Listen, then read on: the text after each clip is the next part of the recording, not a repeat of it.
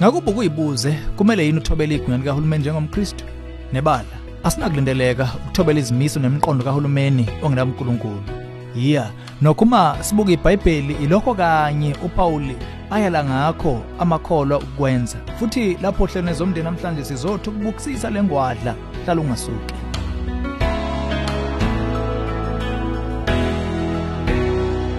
Phinde ngubingelele ezomndeni uhlelo ukulethela izeluleko eziphatheka ngabaka focus on the family. Sithola umbuzo kumlaleli osemshudulweni ekubeni nokuthula ngendima yabaseRoma 13. Ubuze wathi kungani kumele ukuba ngithobele uhulumeni engikhola uhamba ligugube. Ngiyalithanda izwe lakithi futhi ngithanda ukuyibandakanya nombusazwe wezwe wakithi. Kodwa ngiyadideka ukushiyo iBhayibheli ngalesi sihloko. Kwenzeka kanjani ukuthi uPaul atshela amaKristu ukuba athobele kwabaseRoma 13 verse 1 kuya 7 nxashana kusicacele kahle ukuthi ohulumeni bomhlaba bonakele abanabulungiswa. umKristu enze njani uma ibona ukuthi uhulumeni wakhe awunabo uNkulunkulu iBhayibheli kahle hle liyawayala amakholo kuba ayithobe phansi kwamandla ombuso kwabaseRoma 13 verse 1 amakhosi nabo bonke abakhulu ukuze sihlale kahle nangokuthula ngokumesaba uNkulunkulu nangesizotha esipheleleyo. 1 Timothy 2.2 lamagama ayahlaba ngokwevela lapho sibona khona ukuthi uPaul wawabhala ngesikhathi sokubusa kwenkosi uNero owabe undlovu kayiphikiswa wedlula bonke ngokomlando.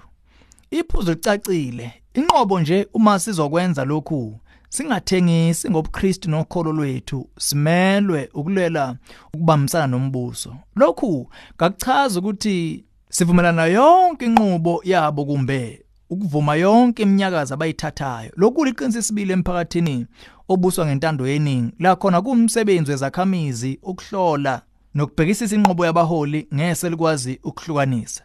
Yebo nanxa kunjalo amakholo amele ukuphakamisa ubulungiswa beBhayibheli lesikhathi esimanhlembethwana kashana ebe futhi ehlonipha ubuholi balowo mbuso.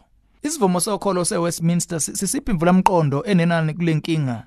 Kwisahluko 111 indima 1 abaqopha lombhalo babhala lokhu. uNkulunkulu emaphakadeni onke wenza ngenhlanipho enkulu nokubona kwakhe okungcwele nokubeka kwakhe ongenaguqula kunoma yini eqhamuka. Yebo nanxa kunjalo akuyi kuba uNkulunkulu ongaba ngumsunguli kumbe waba ngumsunguli wesono. Ngebe futhi ngobudlwebulo kusentandweni yoluntu ngebe inkuleko yokuqhubeka kunalokho kuyasungulwa kumbe konke kwaba khona ngenxa yakhe ngokuvuma kwakhe. Athini lamagama kalula athi uNkulunkulu uphezukwazo zonke izimo zoluntu.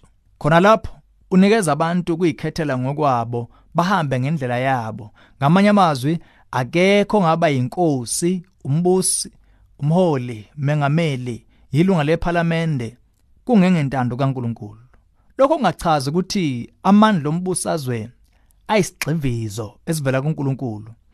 Ilapho kanye ukuyithandela koluntu nenkululeko ukuzikhethela okuqhubekayo. Nakho konke okuqhamuka isibili kungena khona.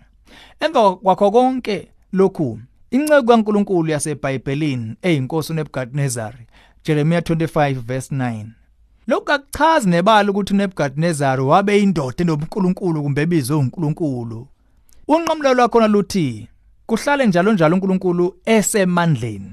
Singebethemba bombuso nokho simelwe ukuthemba yena. Eyimene evamile singakhombisa lokhu ukuthembela ngokubambisana nombuso.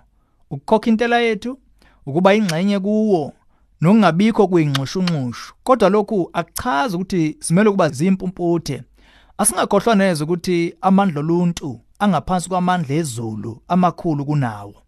Ami njalo njalo ngamandla aphezulu kaNkuluNkulu. La kungena simo esingaqhamuka kunganongqubuzana phakathi kwalamandla omabili.